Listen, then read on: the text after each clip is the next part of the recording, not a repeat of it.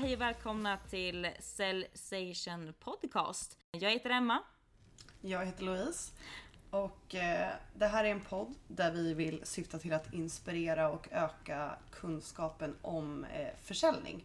Och för att göra det kommer vi eh, varje avsnitt att bjuda in en gäst som vi tror kan bidra till just detta. Och idag, vårt första avsnitt, så har vi med oss en person som är en förebild, i alla fall för mig och Emma och antagligen väldigt många fler.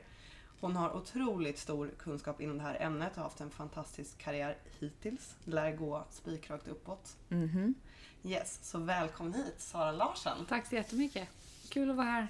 Ja, kul att ha dig här. Så kul. Hur mås det?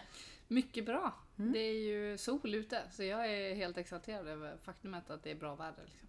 Det, Ja, det är det det är jag vill magiskt. ha. Ja, det är magiskt. Mm. Mycket bra. Finally, nu börjar livet. Nu börjar livet Lite ja. så. Det är så. Alltså, Verkligen.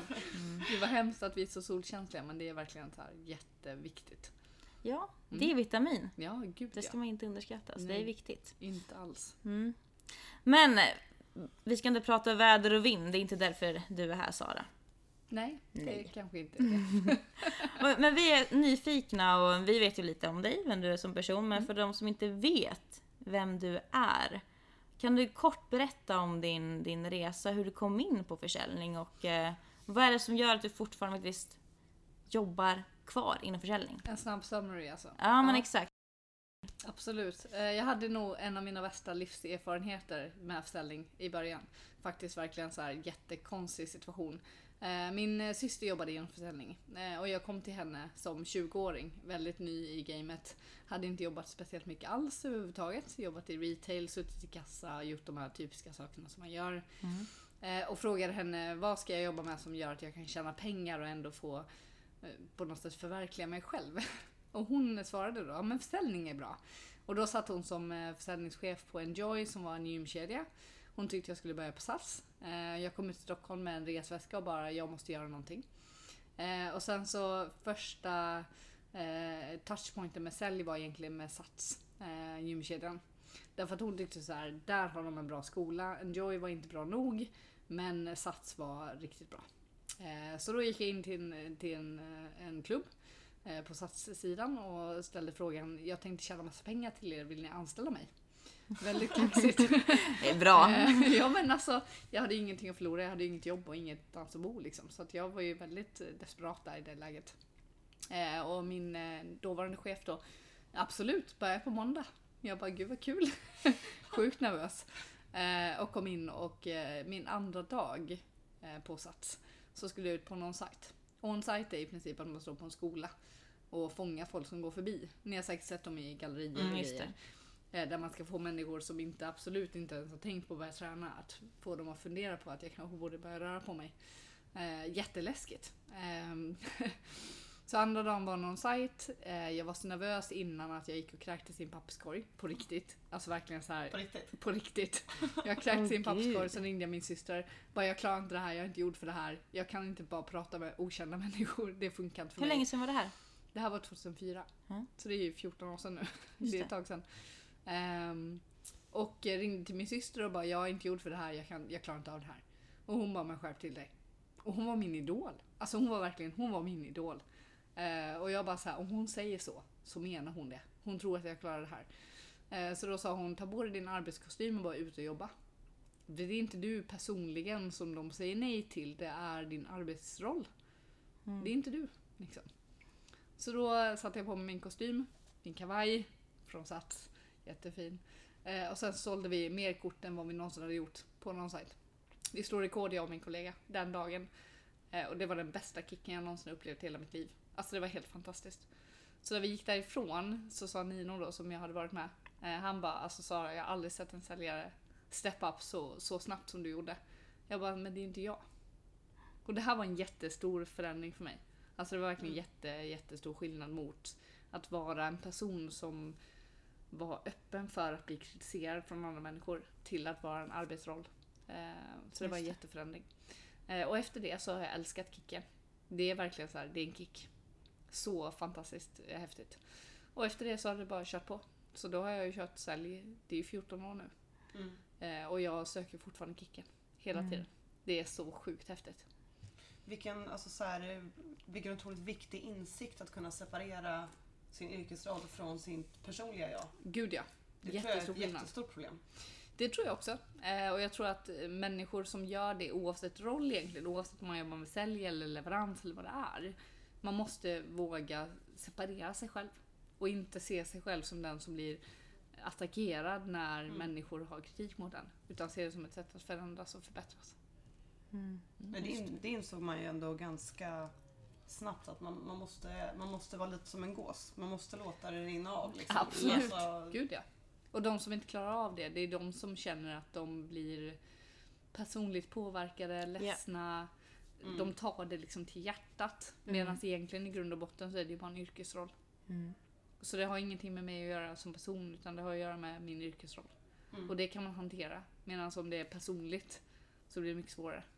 Det är någonting som jag tror man måste själv dels som sagt komma till insikt med. Mm. Men också vilja någonstans arbeta med. För någonstans handlar det om mindset och eh, Gud ja. inställning. Det är inte bara att man att vissa föds som att eh, det bara rinner av. Det är någonting som man dels kanske måste bestämma sig att eh, jag är jag, det här är min yrkesroll. Mm. Men också att hela tiden jobba med sig själv. Mm. För att man alltid har sitt mindset på rätt plats och inte låtas påverkas. Och, eh, Absolut. Ja men gud ja. och- Och sen så tror jag att hade jag inte haft min syster där nej. så hade jag aldrig tagit mig förbi det hindret som det var att vara rädd. Mm. För det är rädsla. Och det är ju inte helt ovanligt i, i någon yrkesroll egentligen. Alltså det hänger ju inte ihop med säljrollen i sig utan det är så här, man är rädd. Man är rädd att bli avslöjad som att man inte kan någonting. Man, och det finns ju människor som är fantastiskt uppsatta människor som har verkligen höga roller som fortfarande känner så. Och i grund och botten så handlar det om att våga släppa det.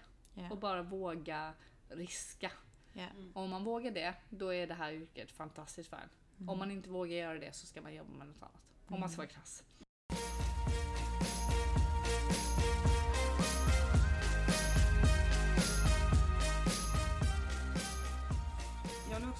På det du sa eh, om den, din roll du hade på Sats. Mm. Ehm, att du liksom tog bort det som sitter i väggarna Mm. hos, eh, alltså gällande säljprocessen som Mm. Sats har ute på olika anläggningar. När du kom in i den Mm. rollen till en avdelning och sa okej, Mm. här är det något som inte funkar, något sitter i väggarna. Mm. Hur, liksom, hur tog du dig an det? Vad började du? Alltså i grund och botten så handlar det om att lära känna människorna på Mm. plats.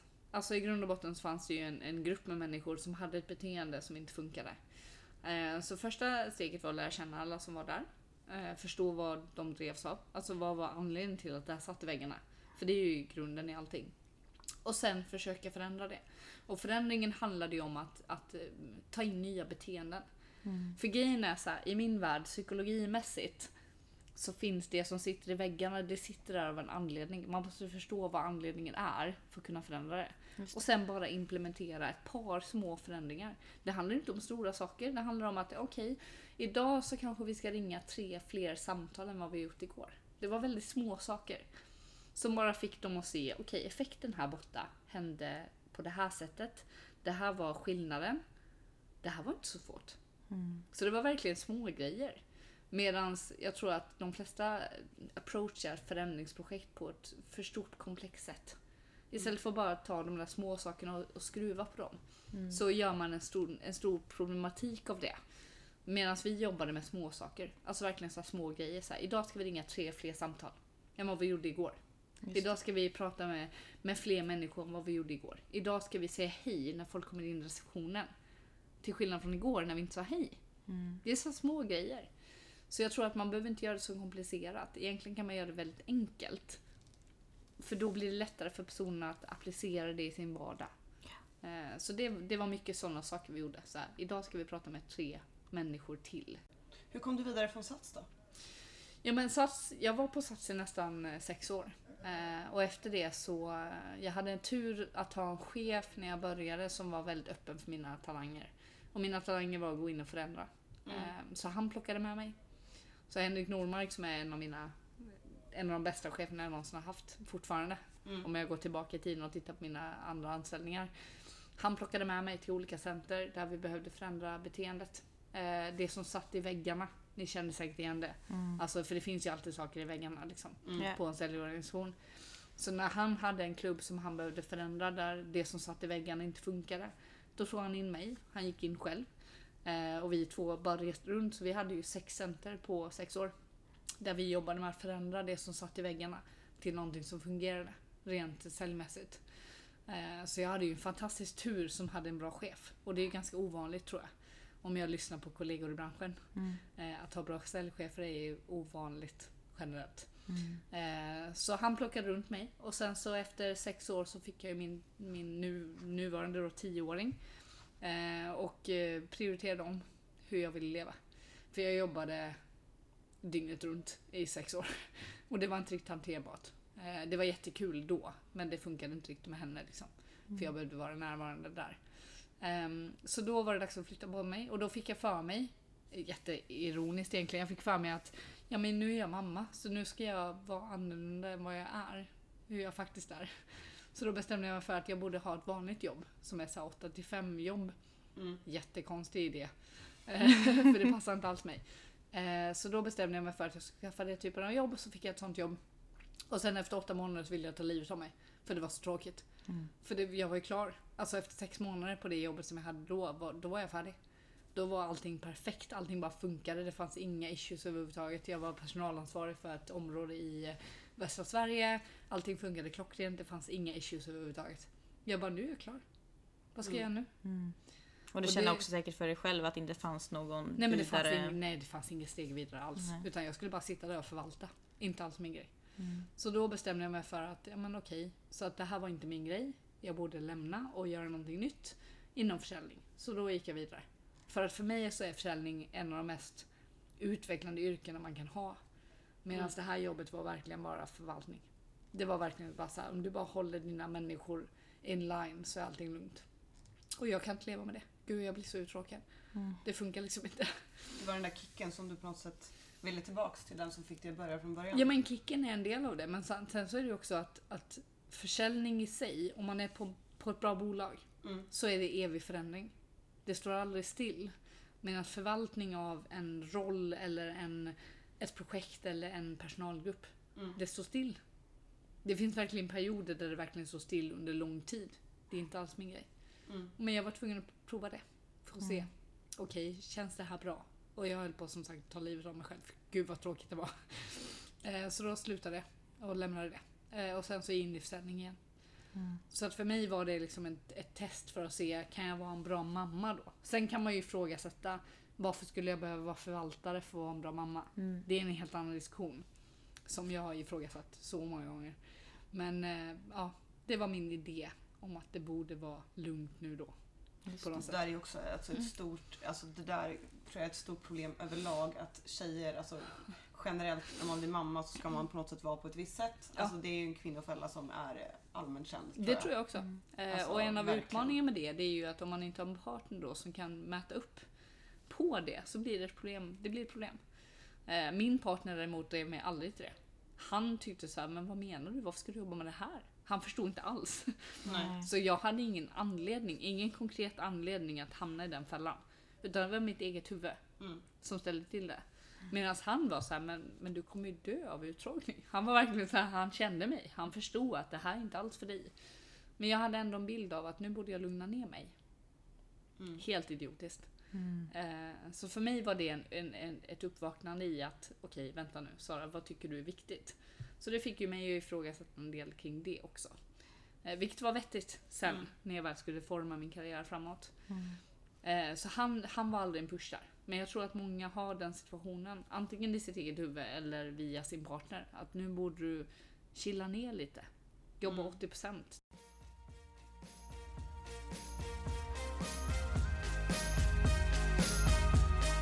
Ehm, en annan grej som vi skulle vilja prata med, med dig om är Mm. att, eller vi har pratat mycket eh, mellan oss om det, att just försäljning, att många har en så um, bestämd eh, bild av det, eller alltså förutfattade meningar om försäljning. Mm. Så vi skulle vilja prata med dig om, alltså om du kan ta upp eh, det som du tycker är de tre största myterna om försäljning. Ja.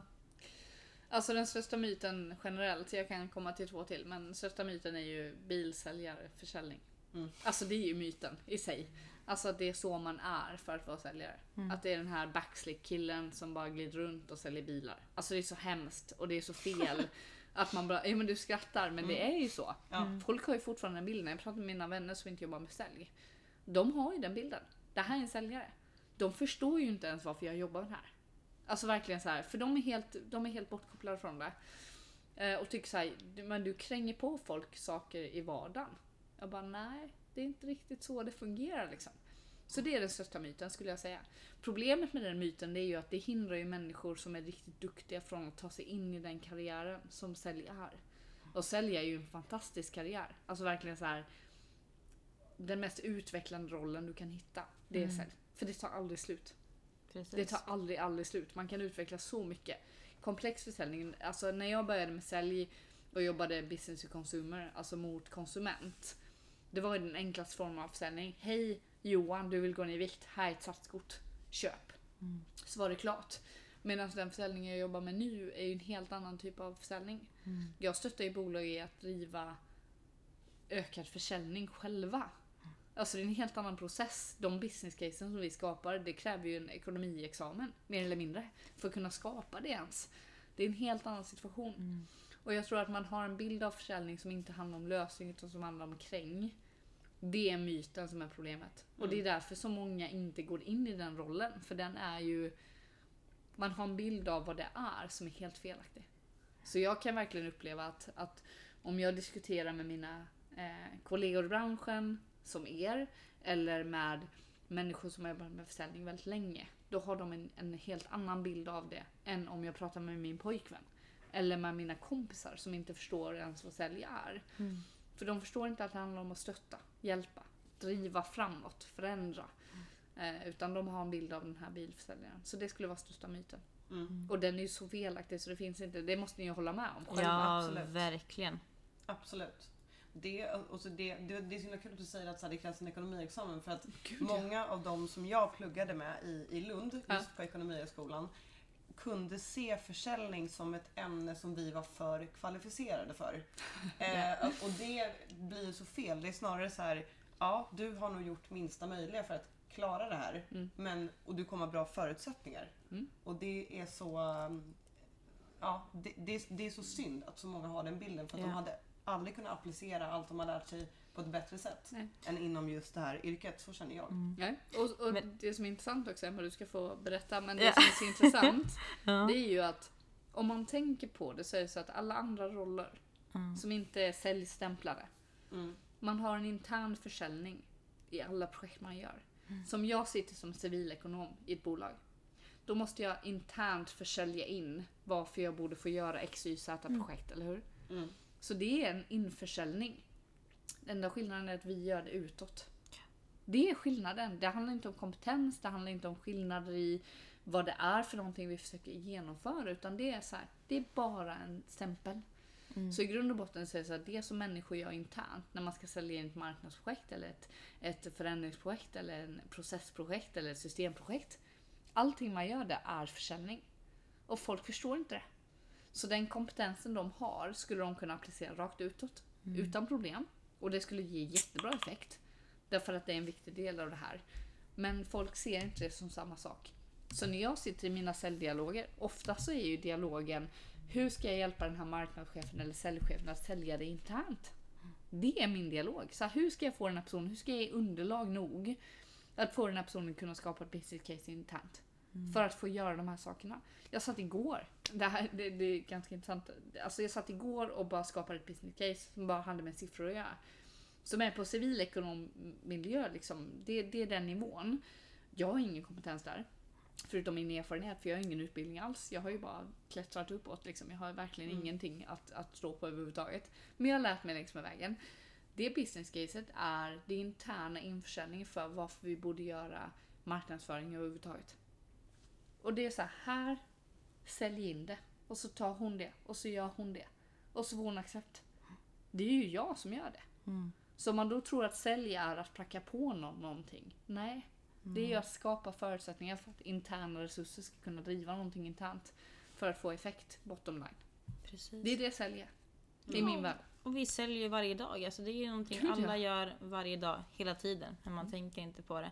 Men det är så intressant när vi dels tar, in det, tar upp det här med utbildning och eh, du har ingen utbildning. Nej, gud nej. Så läste jag en, eh, en artikel i Business Insider just kring hur viktigt det är med försäljning. Ja. Och att varje individ borde någon gång under sin, sitt liv jobba med försäljning. För att det kan eh, egentligen jämföras i samma, alltså, typ som en MBA mer Ja, eller mindre. Att det verkligen. är, s- för att det är så jäkla viktigt. Nu Och det är så också, många men delar. Ja, och någonstans, det är hjärtat i, eh, i hela ekonomin, alltså i, i ett bolag. Alltså utan försäljning, inget bolag skulle existera. Nej. Så är det ju. Jag har ju två stycken tips till ledningsgrupper. Som är, för för grejen är att nu är vi ju på en plats där den digitala försäljningen, den digitala kommunikationen egentligen styr mycket av hur allmänheten ser oss som bolag. Så då har jag två råd. Nummer ett, skaffa yngre mentorer. Det är verkligen så en jätteviktig, ett, ett viktigt tips till ledningsgrupper runt om i världen som inte lyckas ta sig framåt själva. Skaffa de här yngre mentorerna och lyssna på vad de säger. Ignorera inte dem. Nummer två, praktisera på säljavdelningen. Det här är verkligen så nyckelfaktorer. Hur är deras vardag? Förstå hur den fungerar, därför att det är nyckeln till att du ska ha puls om två år. I grund och botten så är det så. Så det är mina tips. Alltså så här, Yngre mentorer, praktisera med säljavdelningen, förstå hur deras värld ser ut, förstå hur kunderna reagerar. För vi har ju massor med ledningsgrupper idag som inte pratar med kund. Det är helt galet. I min värld är det galet. Så här, det är er, er, ert blod. Men du pratar inte med dem. Hur tänker du då? Alltså för mig är det helt absurt. Så utifrån det du säger Nora, så här, alla säljer. Ja, men lär dig hur man gör det då. Sluta tänka att det är säljavdelningen som gör det. Ja. För vi gör det allihopa. Och vi gör det digitalt och vi gör det analogt och vi gör det i alla interaktioner med kund. Det är en kundupplevelse vi pratar om. Och vi kan inte längre ignorera att det är det som är faktumet för oss som bolag, även business to business. Inte business to konsumenter, för där har de redan varit där i flera år. De är med. De är där. De förstår att alla interaktioner spelar roll. Men business to business-bolag inte förstår det. Vilket är helt absurt i min värld. Så här, det, är, det är blodet till din verksamhet. Och du förstår inte ens hur de fungerar, kunderna. Jättekonstigt i min värld. Det är verkligen, alltså det är verkligen helt galet. Hur, hur, ska liksom, hur ska den gruppen människor kunna lägga en strategi som Nej, men det fungerar går för det bolaget och som liksom kan appliceras ner i hela organisationen? Det, Det går det, inte. det förstår man ju att det blir lite, något utmanande. Ja, och man har oftast fel. Om man inte är Ja. ute och pratar med kund. Såklart. Men det var nummer ett. Mm. Att man har eh, största myten att det är liksom typiska bilförsäljare. Ja, bilhandlare. Liksom Ja. bilhandlare. Nummer två då? Okej, andra myten med försäljning handlar om att man måste vara en viss typ av person. Alltså man måste ha driv. Man måste ha em, en hunter, ett, ett hunter-beteende. Alltså om man inte är en hunter så kan man inte jobba med sälj. Och gilla att snacka. Att man är Ja men alltså man är jättesocial och man är extrovert och man är så här blaj blaj blaj. Ja. Och det är trams. De bästa säljare jag har jobbat med. Och nu har jag jobbat, jag har jobbat med x antal säljare genom mina år. Av alla säljare jag jobbat med, säkert 200 stycken totalt över mina 14 år. Så finns det tre som sticker ut. Alltså tre riktigt duktiga säljare. Det är inte så många. De är alla extremt introverta. Jag satt på ett möte, det här är ganska intressant. Jag satt på ett möte med en av mina kollegor som är så här, alltså han är så bra som man bara ryser när man, när man hör honom prata. Han är så grym. Eh, på ett av mina tidigare bolag. Och så satt han, vi hade ett möte med en kund, vi skulle sälja en stor affärssystemslösning, alltså verkligen så här komplex försäljning. Och vi hade demat i tre timmar. Välkommen till den här komplexa världen som det är. Och han sitter där och bara är tyst.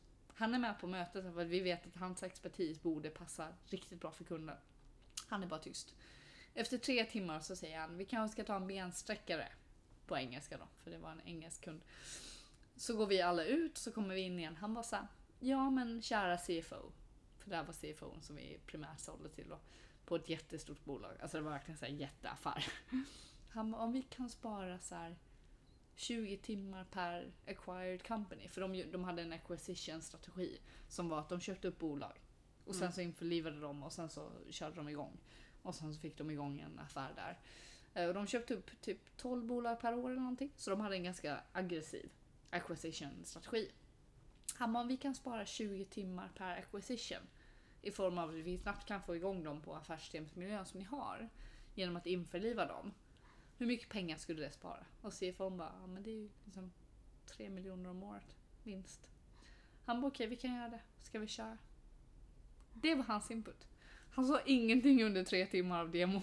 Vi visade allting. Han sa ingenting. Han bara, men det här då? Kan Mm. vi göra det här? Kunden bara, vi kör. Det var klart. Det var det enda han behövde säga. Men det handlar ju också i grund och botten då, det han faktiskt gör är att han lyssnar på. Han lyssnar Ja, och han hittar vad det faktiska problemet är. ja. Introvert. Funderar, blå person, väldigt blå. Inte alls så extrovert på något sätt. Han hade inget behov av att hävda sig själv. Det var helt ointressant. Han bara, men om vi kan göra det här. Det sparar en massa pengar, det borde vara bra.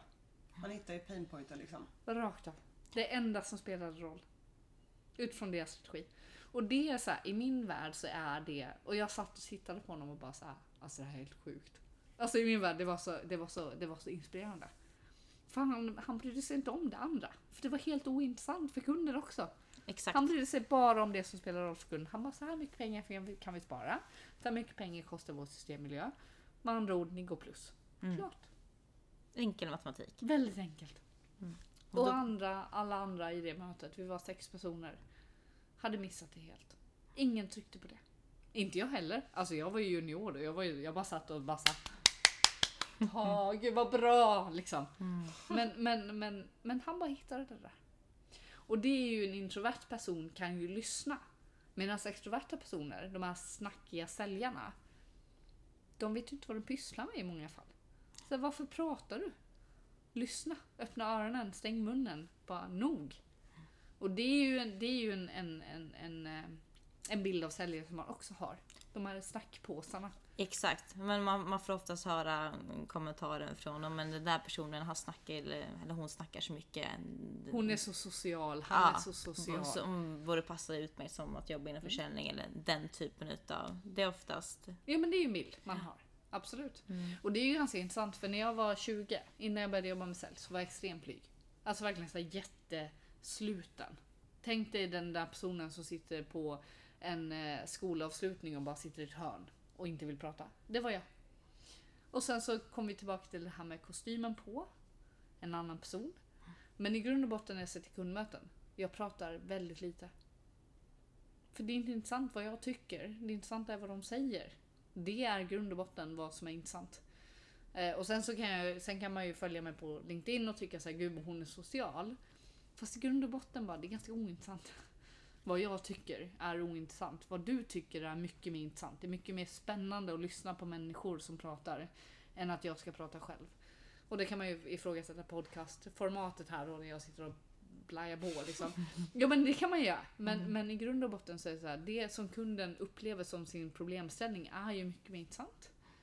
Så när jag är i kundsammanhang och inte sitter och ska promota en utveckling för säljare som vi gör idag. Då vill jag bara säga berätta för mig. Vad händer hos dig? Och sen så tror jag också att man måste ha med sig att som säljare så har man ett ansvar. Och det är nästa, det är nästa eh, fördom. Eller, eller bild. Att säljare inte tar ansvar. I min värld, en riktigt duktig säljare förstår att jag hade, igen då, jag kommer tillbaka till SAS-tiden, men den var, så, den, var så, den var så viktig för mig. För den skapade så mycket förutsättningar för mig och mina grundregler för hur jag ska jobba med försäljning. Min första chef sa så här till mig, Sara du måste tänka på att du kan makea eller breaka någons karriär. Någons liv. För det är egentligen det du kan göra. Om du säger till en person, du borde köpa det här, och personen köper det och det inte blir bra. Vad händer då med den personens karriär? Vad händer med den personens liv? Jätteviktig aspekt av det här. Som jag tror att många säljare inte ens tänker på. Så jag säljer på det en dålig lösning. Vad händer sen? Vad händer med, din, med ditt liv? Du kanske blir sparkad. Du kanske inte kan få referenser. Du kanske inte kan få ett nytt jobb. Du kanske blir arbetslös. Fattig. Alltså bara spiralen ner är ju hemsk. Så om man då tänker på att man har ansvar för det, då vill man inte sälja saker som man inte kan tro på. Nej. Så om jag då sitter i en dialog med en kund och inser att vi är inte rätt lösning. Och det har ju hänt under alla, under alla interaktioner i mina olika jobb. Det är så här, det här är inte bra för er. Ni borde välja den här vägen istället. Det innebär att ni inte handlar om mig. Men det innebär att du kan fortsätta ditt liv. som det faktiskt borde fortsätta. Det där är så intressant också när man sitter i kundmöten Ja. och man säger också i kundmötet att Nej men jag ska vara ärlig, jag tror inte att vi är en, mm, en rätt match. Vi, ni ska inte köpa till oss, utan ni ska inte bli våra kunder. Och man märker hur de alltid blir Åh men tack jag är glad att eh, du inte försöker sälja på mig någonting som jag inte behöver. Eller hur? Bara, bara den kommentaren man får den tillbaka så förstår man ju hur... Hur påverkande det är. Ah, Eh, Och för mig så är det så här, Stockholm är så här liten marknad. Den är så liten. Så om man då bränner sig hos en kund, det kommer förfölja dig resten av din karriär. Mm. Så om du skulle gå in, om jag skulle gå in och sälja en lösning som inte funkade, då skulle jag aldrig kunna återanvända den kunden. Varenda kund jag haft, alltså verkligen varenda. Vi pratar 100% av alla kunder jag haft under alla mina jobb. De handlar fortfarande av mig. Tre jobb senare. Mm. Det är en jätteunik sak. För att man säljer inte på dem om de inte borde ha det. För det är en respekt för deras roll, deras liv, deras värld. Att inte göra det, för man har ett ansvar som säljare. Och där tror jag är en, en annan då förutfattad mening, att man inte tar ansvar. Jätteviktigt att göra det. mm, För mig är det det. För jag vill ju fortsätta kunna ha min karriär Mm. och fortsätta kunna ha förtroende för de kunder jag har. Även när jag slutar på mitt nuvarande jobb och börjar på något nytt. Just Så jag kan ju ringa alla mina kunder varje gång jag byter jobb och bara hej nu har jag bytt jobb. De bara ja men vad kul vad ska du sälja nu? Och så berättar jag. Ja men alltså det är jättevärdefullt. Det är så, alltså, det där är en så viktig del att, att förstå att en del av yrket är att kunna kvalificera bra kunder på samma sätt som att man ska kunna diskvalificera de som inte alls passar. Absolut. Alltså, det är en del av den behovsanalys som ligger till grund för all, allt sälj egentligen på olika sätt. Men om man tänker utifrån ett kortsiktigt perspektiv, kvartalsjakten, Kvartalssätt. som ni säkert känner igen. Den har man gjort. mm. Kvartalsjakten, vad innebär det då? Ja men man, man eh, filar bort sina egna bilder av vad som är viktigt för kunden och sen så börjar man jaga. Det är en problemställning. Och där tror jag att kortsiktigheten i det blir en problemställning för företaget som helhet. Alltså någonstans i grund och botten så här, jättebra att vi ska nå våra kvartalsmål. Men vi kan inte jaga till den gränsen att vi får våra kunder att blöda. Det måste finnas en nivå. Och där tror jag att många bolag missar på bollen. De tänker så här, men bara spring. Spring, jättebra springa, men spring på rätt kunder. Spring inte på kunder som faktiskt inte kommer få nytta av det. Jag vet när jag jobbade på Prospect Eye, som är, det är ju sex, sex år sedan nu. Då hade jag kunder som jag bara sa, ni borde inte köpa det här, ni är inte redo. Ni har ju knappt Google Analytics på er webb, liksom. ni har ingen aning om hur ni ska göra med det här. Ni kommer lägga pengarna i sjön. De handlar om mig nu. Mm. Långsiktighet, skillnad. Men hade jag sålt då, det hade varit easy money. Inga problem. De hade signat, bara du är så bra så vi kör. Men det hade aldrig lett till någonting bra långsiktigt. Och jag har ju ett personligt varumärke att tänka på. Om jag säger någonting så vill jag kunna hålla det. Jätteviktigt för mig. Men då, då är nästan det en problematik i sig kan jag tänka mig många säljorganisationer för Mm. att de säljer och blir matare. Att det är bara ut och köra. Ja, men som du sa, spring och liksom bara för ja, men exakt få in. Och det är få som har det, i alla fall min egen uppfattning, Mm. som har det mindset att tänka långsiktighet. Genuint långsiktighet. Man, Ja. man kanske säger det, man ska tänka långsiktigt. Men som faktiskt gör det. Men det är För att- klart att när det pressas på från organisationen. Det är klart att det är lätt att Såklart. landa i att ja men då ska jag springa. Det kan man ju förstå, så egentligen är inte säljaren problematiken. Problematiken Verkligen är inte. organisationens kortsiktighet. Och där måste man ju som ledare jobba med det. Alltså det är ju en del av hur blir jag en säljchef som skapar en förutsättning för mina säljare att vara långsiktiga i sina kundrelationer. Det är ju ingenting som den enskilda säljaren ska behöva ta ansvar för, utan det är ju säljchefen. Mm. I grund och botten så är det det. Ja. Så om vi inte är en match, säg det. Ja. Våga säga det. Våga tappa den där tionde affären. För det är fortfarande bara den tionde affären för att säga så här. Ni skulle kunna köpa in det här nu. Men det skulle inte ge det värde som jag tänker mig att vi skulle kunna skapa. Vänta ett år. Kom tillbaka sen. Mm. Våga säga det. Och det kräver ju en säljchef som vågar stå för det.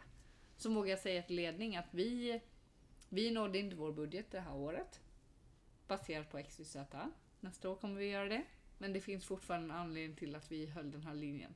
Och den var bra. Punkt. Ja. Det är svårt. Så bara sammanfatta. Tre största myterna. Ja. Första, Bilsäljaren. andra, det var egenskaper kring hur det. en Just det, att man måste säljare vara på ett är. sätt. Ja. Och nummer tre, ansvar. ja, och Mm. långsiktighet. Mm. Just det. det här, och nästa grej som eh, vi vill komma in på och diskutera är just varför det är så få kvinnor som väljer yrket. Det är ju mm, väldigt intressant i sig. Ja, det är en jättebra fråga. Om vi går tillbaka till fördomarna då. Mm. Bilsäljare, hur många kvinnor identifierar sig med det? Eh, säljarens egenskaper, hur många kvinnor identifierar sig med det? Och sen så hade vi attityd och personlighet och hur man långsiktigt driver ett yrke. Hur många kvinnor identifierar sig med det? Mm. Alla de där tre fördomarna är ju nackdelen som gör att kvinnor inte söker sig hit. Mm. För de ser inte fördelarna. För det är ingen som pratar om dem. Så där har du ju anledningen. Det är ju de tre anledningarna.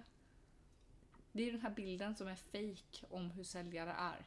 Hur Ja. säljare måste vara, hur säljare agerar och kortsiktigheten. De flesta kvinnor som man tittar på, om man tittar på undersökningar, de vill ha personlig utveckling. Det är långsiktigt. Mm. Det är inte det säljyrket har som bild att det är. Mm. Alltså bilden av säljyrket är kortsiktighet. Snabba avslut, snabba sprintar, snabba kvartal, budgetar. Det har ingenting att göra med att människor ska utvecklas och bli bättre. Så d- anledningen till det kan man säga att kanske då rollbeskrivningen Ja. fortfarande är väldigt maskulint skriven som gör att man som då kvinna inte kan identifiera sig med rollen och därför inte söker sig till Jag skulle inte säga att den är maskulint skriven. Jag vet inte hur många män som skulle vilja jobba med det heller. Nej men identifiera Alltså jag skulle sig säga som... att den är eh, icke-human. nej. Alltså det är, så här, det är en icke-human bild av vad en, en roll ska vara. Mm. Om vi vill jobba långsiktigt med personlig utveckling, hjälpa kunderna, stötta. Eller hur? Stötta, det är det vi vill göra. Vi vill hjälpa dem att bli bättre i sina roller. Det är ju grejer som de flesta människor, om man pratar med dem, vill göra för kunder. Så när man jobbar i kundinteraktion, kvinna eller man, så vill man hjälpa kunden.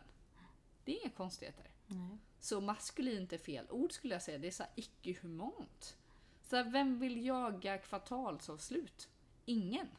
Det finns inga män som vill göra det heller egentligen. Det finns inte män som vill sitta i bastun med massa andra män och känna sig utsatt. Det finns massor med män som tycker att det är obekvämt. Mm. Så det här med maskulint och feminint är helt irrelevant. Det är inhumant att tro att det är personen som man vill vara. Mm. Inga människor vill vara den personen. Jo, det kanske finns en procent som vill vara den personen. Men då kan, då kan de ju jobba med andra saker. Alltså jag kan tycka så här. Så hela den här diskussionen manligt och kvinnligt är helt irrelevant. Om Men vi vill vara då- humana, Ja. varför skulle vi då inte vilja jobba långsiktigt? Varför skulle vi inte vilja hjälpa våra kunder? Varför skulle vi inte vilja vara humana och lyssna? Alltså det är inte, det är inte manligt eller kvinnligt, det är humant Nej, det, det har en poäng där. Men ändå, hur kan det vara sån extremt stor skillnad fortfarande? Nu är det liksom 2018. Varför? För jag menar, Men uppenbarligen så är det fler män i alla fall ja som exakt. den här rollen tilltalar Och- dem mer på något sätt. Eller de känner sig Precis. bättre passande. Har ni funderat någonting på hur, eh, hur bilden av vad en man bör vara i samhället, hur den ser ut? Hur ska man vara? Det en kanske är lite mer att man eh, men tar för sig eh, framåt. Eh, ja. Nu ska vi se, alfahanne, ja. ta för sig, eller hur? Framåt, tjäna pengar, kunna driva och vara synlig. Mm. Alla fördomar vi pratade om innan med de här tre punkterna kring säljare. Det är bilden av hur en man bör vara. Och den bilden är ju inte borta för att vi är jämställda i Sverige och så vidare. Utan den bilden finns och trycks på män varje dag.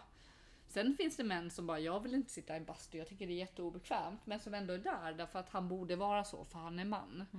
Så den bilden de har på sig, den här, det här tvånget i hur de borde vara, det är lika hårt som vi har på oss som kvinnor. Det är bara en annan bild. Så den bilden du pratar om är ju applicerbar på män därför att de borde vara så. Okej. Och det är fortfarande inte sant. Igen, det finns massor med män som inte vill sitta där i bastun och ha om säljkickoffen. De vill inte vara där. Men de har samma tryck på sig att vara på ett visst sätt som vi har. Mm. Så bilden är nidbilden av den där bilsäljaren. Och det är det som trycks på dem varje dag. Så jag kan tycka någonstans när vi diskuterar så här manligt kvinnligt inom försäljning. Ja, de har ju lika hård press på sig som vi har. Att vara på ett visst sätt. Och den är helt irrelevant. Så här humant borde vara att ja, men du är vad du nu är för kön. Du vill inte vara med på bastulägret. Nej, men det är okej. Du vill tänka långsiktigt, ja men det är okej. Det är ganska vettigt att göra det. I en mindre marknad som Sverige är. Men det finns inget utrymme för det. Så anledningen till att män lockas till den rollen det är att det passar in perfekt i alfahanne-rollen som de borde söka. För det är vad samhället säger att de borde söka. Det innebär också bra med pengar. Man tjänar pengar, eller hur? Det är så korta vinster. Det är korta kvartalsavslut, det är budget, det är bonusar, det är coola resor och allt det där som män borde gilla. Och det är bara fake. I min värld så är det bara fake. För det är ingen i princip som trivs med det.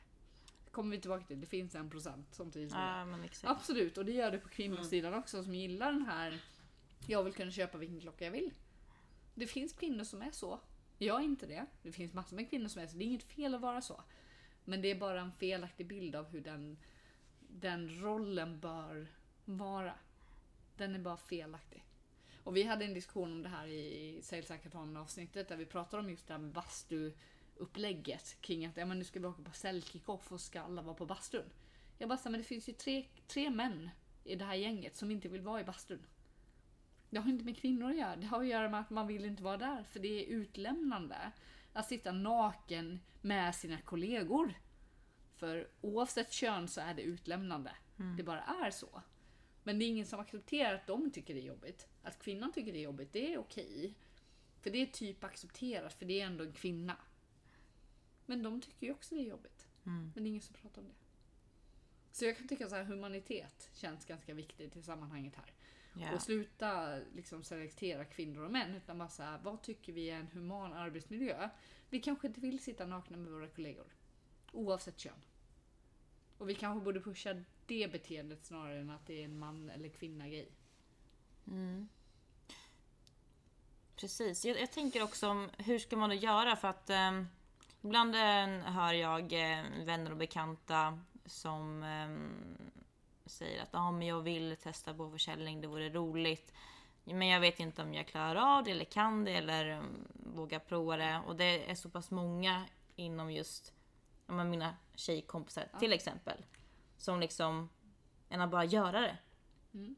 Och eh, det måste ju vara någonting som ligger till grunden för Alltså ända från när man är ung, alltså i yngre ålder, att det liksom ligger kvar hur man är som pojke, flicka i skolan liksom redan där. Att man formas där som person. Jag har ingen aning. Men alltså varför är det mer så? Det är kanske en helt annan eh, diskussionsfråga. Men, eh, men ändå, det är Typ. ändå intressant. Okej, hur ska vi göra för, för att ens få in mer då? Mer med kvinnor? Ja men alltså om man tänker på det, det du pratar om är samhällsstrukturer. Ja. Alltså vad är det som gör att, att kvinnor när de är barn, 6-7-åringar, jag har en 10-åring så jag vet hon är 10 och hon är extremt opinionated om allt möjligt. Jättehärligt att vara med henne för hon har ju väldigt mycket åsikter. Eh, och varenda gång som jag pratar med henne så tänker jag för mig själv så här. Nu är hon bossig. Jag skulle sagt samma sak om en, om en pojke. Men jag tänker inte säga det till henne. Jag tänker säga att hon har ledaregenskaper. Det låter så jättetramsigt men det är verkligen så här. Gud vad du är bra på att leda folk. För hon är det. Hon får med sig folk oavsett vad hon gör. De bara vill vara med henne. Och då skulle jag kunna säga gud vad du är bossig eller gud vad du har ledaregenskaper. Det är jättestor skillnad på vad jag säger där. Och de flesta utmaningar är ju att, att man har en samhällsstruktur som styr hur vi ser henne som person. Det här är en tioåring som går in i tunnelbanan på ett tåg och bara hej allihopa!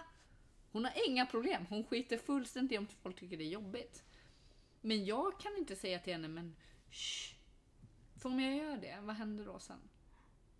Och det är någonting där det finns en utmaning som är mycket djupare än vad vi kan påverka hela tiden. Utan det är någonting som hänger ihop med föräldrarnas vy på barn. I manligt och kvinnligt fack liksom. Det är en jätteproblematik. Så jag har inga val på, alltså jag har inga råd kring hur man ska göra för att förändra det när, när personen är 25 och kommer till mig och vill ha jobb. För det är för sent. Så vi måste börja jobba underifrån med våra barn. Jag skulle aldrig säga till min dotter att hon inte kan göra exakt vad hon vill. Det skulle aldrig hända. Men jag kan höra bland mina föräldrakollegor i hennes klass att jag är en av de få som låter henne vara exakt hur hon vill. Som inte hyschar när hon kommer in på tunnelbanetåget och bara hej hej och tycker att livet är helt underbart. Varenda person i tunnelbanetåget ler när hon gör det. Och varenda förälder jag känner skulle säga Shh.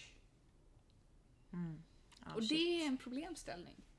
Det är så alltså, intressant hur, hur olika alltså, egenskaper eller sätt att vara bemöts olika beroende på om man är kvinna eller man är man. Gud ja. Jag såg eh, ett reportage i, i Veckans Affärer om det från två eh, väldigt, eh, alltså två kvinnliga, eh, två kvinnor som var VD på två olika typer av företag eh, och som liksom är, eh, men som är, som är väldigt rätt fram, som är väldigt drivna, som inte har problem att säga ifrån, som är orädda och som beskrev att de själva på något sätt kan få en en bitch-stämpel på det. Alltså de kan få uppfattningen att de är otrevliga. Medan man kanske hade beskrivit män med samma egenskaper som väldigt... Ja, Ledaregenskaper. och- Starka ledare. Ja, exakt. det Starka ledare. Ja, ja Eh, absolut. och det där är alltså otroligt eh, tråkigt. Om det är något som kan göra mig ledsen så är det att tänka på just det. Liksom. Absolut. Sen måste man ju också ha med sig, och det här kan jag tycka är viktigt, som jag tycker att man inte pratar om så mycket, det är så här, vi är olika. Tanken är inte att vi ska kopiera kvinnor som blir som män. Nej. Det är inte det som är poängen. Det här med att de är rättframma ledare, starka kvinnor. Min bild är så här, det är kvinnor som kopierar män. Jag kan ju se det i mig själv. Om jag skulle jämföra mig och könsdefiniera mig själv, om man inte såg mig så skulle jag vara en man. Rakt av. Jag är bara en kopia på en mans starka egenskaper. Jag vet om det. Sen råkar det vara som jag är. Det är så jag är. Så jag kan inte göra någonting åt det. Men det är fortfarande så att väldigt många av de styrkorna jag har är de här sakerna som normalt sett definieras som manliga egenskaper. Det är inte positivt. Vi måste kunna lyfta kvinnor som är helt annorlunda. Så om man har då barn som är mjuka, försiktiga. Ja men det är också ledaregenskaper. Det är bara att se på era chefer. Mm. Är de alla starka röda män som bara "Rrr, nu ska vi göra så här? Eller? Nej, alltså, Kanske nej, nej, inte. nej, Nej. Alltså det, nej. Men de är ändå bra ledare. Ja. Vi måste lyfta båda delarna. Vi ska inte bli kopior av män. Det är inte poängen. nej. Så då måste vi hitta kvinnor som är starka i sin ledarroll även utan det här röda, tydliga, raka som förknippas då i min värld med en manlig egenskap. För det måste vara en kombination. Så jag kan uppleva att det här med att kopiera blir ett problem. Det blir ett problem i sig. T är som hon är. Sen hur hon är, är så. Punkt. Hon ska inte vara någon annan. Hon ska vara precis som hon är. Och jag antar att ett sånt beteende är inte hållbart i längden heller. För att man hela Om man fejkar det, nej. Exakt. För mig är det naturligt därför att jag är ju så. Men om jag hade försökt fejka det, då hade det aldrig hållit. Man måste ju hitta nivån. Och någonstans är det kombinationen av egenskaper som gör att vi blir bra. Inte att vi försöker replikera en viss typ av dominans. Det är inte lösningen i min värld. Så när man då hittar de här starka ledarna, då kanske man börjar leta efter andra saker. Rödhet och tydlighet och, och enkelhet och rakt på sak kanske inte är det vi borde beundra. Vi kanske borde beundra lyssnande. Och att vara mjuk. Det kanske är det vi borde promota som ledare snarare än någonting annat. Och jag tror att vi oftast landar i att ja, men han, är, han är så bra ledare, hon är så bra ledare, bitchstämpel eller inte. Men vi tittar på mannen som någon typ av roll. Att det är så här vi borde vara och så försöker vi replikera det. Varför ska vi göra det? Jag tror också att det kan vara ehm, alltså ett ganska brett problem att, att eh, alltså jag tror kvinnor kan ha svårt att se styrkan i sina egna, eller i, i de egenskaper som man själv har. Till exempel, jag tror att det är väldigt vanligt bland kvinnor att säkert beskriva sig som att så här, ja, men säkert i ett personligt brev att vara så här, jag är bra på att bygga relationer och jag vill jobba med människor. Vilket är så här, egenskaper som du behöver för att kunna lyckas inom sälj. Men de ser sig aldrig som att de egenskaperna skulle vara en, en bra förutsättning för att jobba med försäljning. Förstår ni vad jag menar? Att det är svårt att de ser att de, man ska säga vi. Eller, det kan vara generellt, alltså jag tror att det är generellt sett svårt att kunna se Den kopplingen. Ja, för att det är en sån, precis som du sa, att det är att man ofta har en man som någon slags förebild att efterlikna. För att det har alltid varit så liksom. Och vad är de bästa egenskaperna som säljare då? Relationsbyggande. Skapa förtroende. Skapa eh, djupare förtroende, alltså fördjupa relationen så att man kommer till en punkt där folk ringer en på kvällen och bara hej jag tänkte det här, vad tänker du? Och sen att se lösningar. Vad är kvinnor bäst på? Skapa förtroende. Skapa djupare förtroende. Se lösningar. Alltså förlåt men alla kvinnor som har barn oh my god, typ. Det här är deras roll. Det är det de gör. Det är det de gör varenda dag, hela tiden. Så egentligen så är kvinnor helt liksom, matematiskt helt rätt för säljyrket. För det är det de gör. Och det är det de har naturligt. Av någon konstig anledning så finns det bara naturligt. Så här, jag vill, och det hänger ihop med samhällsstruktur såklart. Alltså man har byggts för att vara den här omhändertagande, relationsskapande människan. Som vill se framåt och hjälpa personerna runt omkring sig. Det är struktur. Det innebär att de är bäst lämpade för det här yrket. Inte männen. Alltså det låter ju jättekonstigt men egentligen så är det ju så. Det är det vi kan. Så varför skulle då kvinnor välja att inte gå in i den rollen? Därför att de tror att det inte är det som ingår. De tror att det är andra saker som spelar roll. De bästa säljarna är bra på att bygga relation, fördjupa relation och se lösningar. Det är det de bästa säljarna gör. Det är det kvinnor gör varje dag. Hela tiden. För de kämpar med helt andra saker än männen gör. De kämpar med att försöka bli accepterade på en arbetsplats. Fortfarande idag. De kämpar med att försöka sy ihop ett privatliv och ett jobbliv. Samtidigt, fortfarande idag.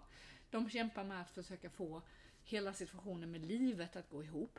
Barn, eh, extra barn, bonusbarn, herregud, så som strukturer ser ut i familjer idag är ju bara kaos liksom. Jag menar, jag vet ju själv, jag har ju en varannan vecka-dotter liksom. Alltså jag, och har haft bonusbarn, så alltså jag förstår verkligen det här sy ihop det där livet är ju kaos.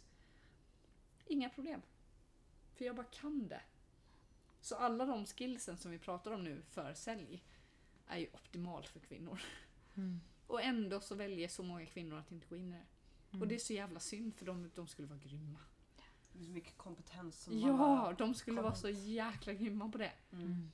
Och det, det som är utmaningen som gör att de inte går in där, det är att säljcheferna, men inte ser de starka värdena i det. Mm. För de jobbar med kvartalsbonusar. Kortsiktigt, ja men det är kortsiktigt. Mm. Istället för att jobba långsiktigt och få säljare som får kunden att vilja stanna i fyra år. Det är unikt idag. Kunder är illojala idag. För att det finns så många options. Det enda som skiljer leverantör Y och X åt, det är säljaren. Så varför sätter inte fler människor på att få den relationen att funka? Sluta jaga kvartal. Det är allt jag säger. Mm. Gud vad du kan sitta och prata om det här i, i Ja, alltså, tusen år. Ja, verkligen. Men vi ska Men- börja mm, wrap it up, eh, summera lite. Men vi har en sista grej vi vill eh, för att Ja. avsluta det hela, avrunda. Mm. Ja, en grej vi vill fråga dig om som jag tror att du kan svara på rätt bra. Eh, om du skulle ge tre tips till en person som sitter och lyssnar på det här och ändå är såhär, okej men jag vill ha en karriär inom försäljning. Vilka Mm. tre tips har du gett då? Okej, tips nummer ett. Börja läsa på. Alltså online research. Läsa på om vad då? Om försäljningsprocesser, om, om psykologi, om eh, människors beteende, om online-beteende respektive digitalt respektive analogt. Alltså förstå hur människor handlar idag. Vad är det som triggar dem? Läs på om allt möjligt. Läs på om bitcoin. Det har ju ingenting med säljyrket att göra, tror man. Det kommer det ha att göra med det. Så bara läs på om allt du kan hitta. Teknologi, psykologi. De två aspekterna. Bara läs. Förstå vad som händer på marknaden, för det händer så sjukt mycket. Och du måste vara in tune med vad som händer om du ska kunna lyckas. Så det är nummer ett. Läs på. Börja plugga.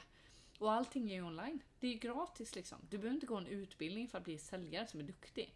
Det räcker att du lägger tid. Lägg tid på att plugga.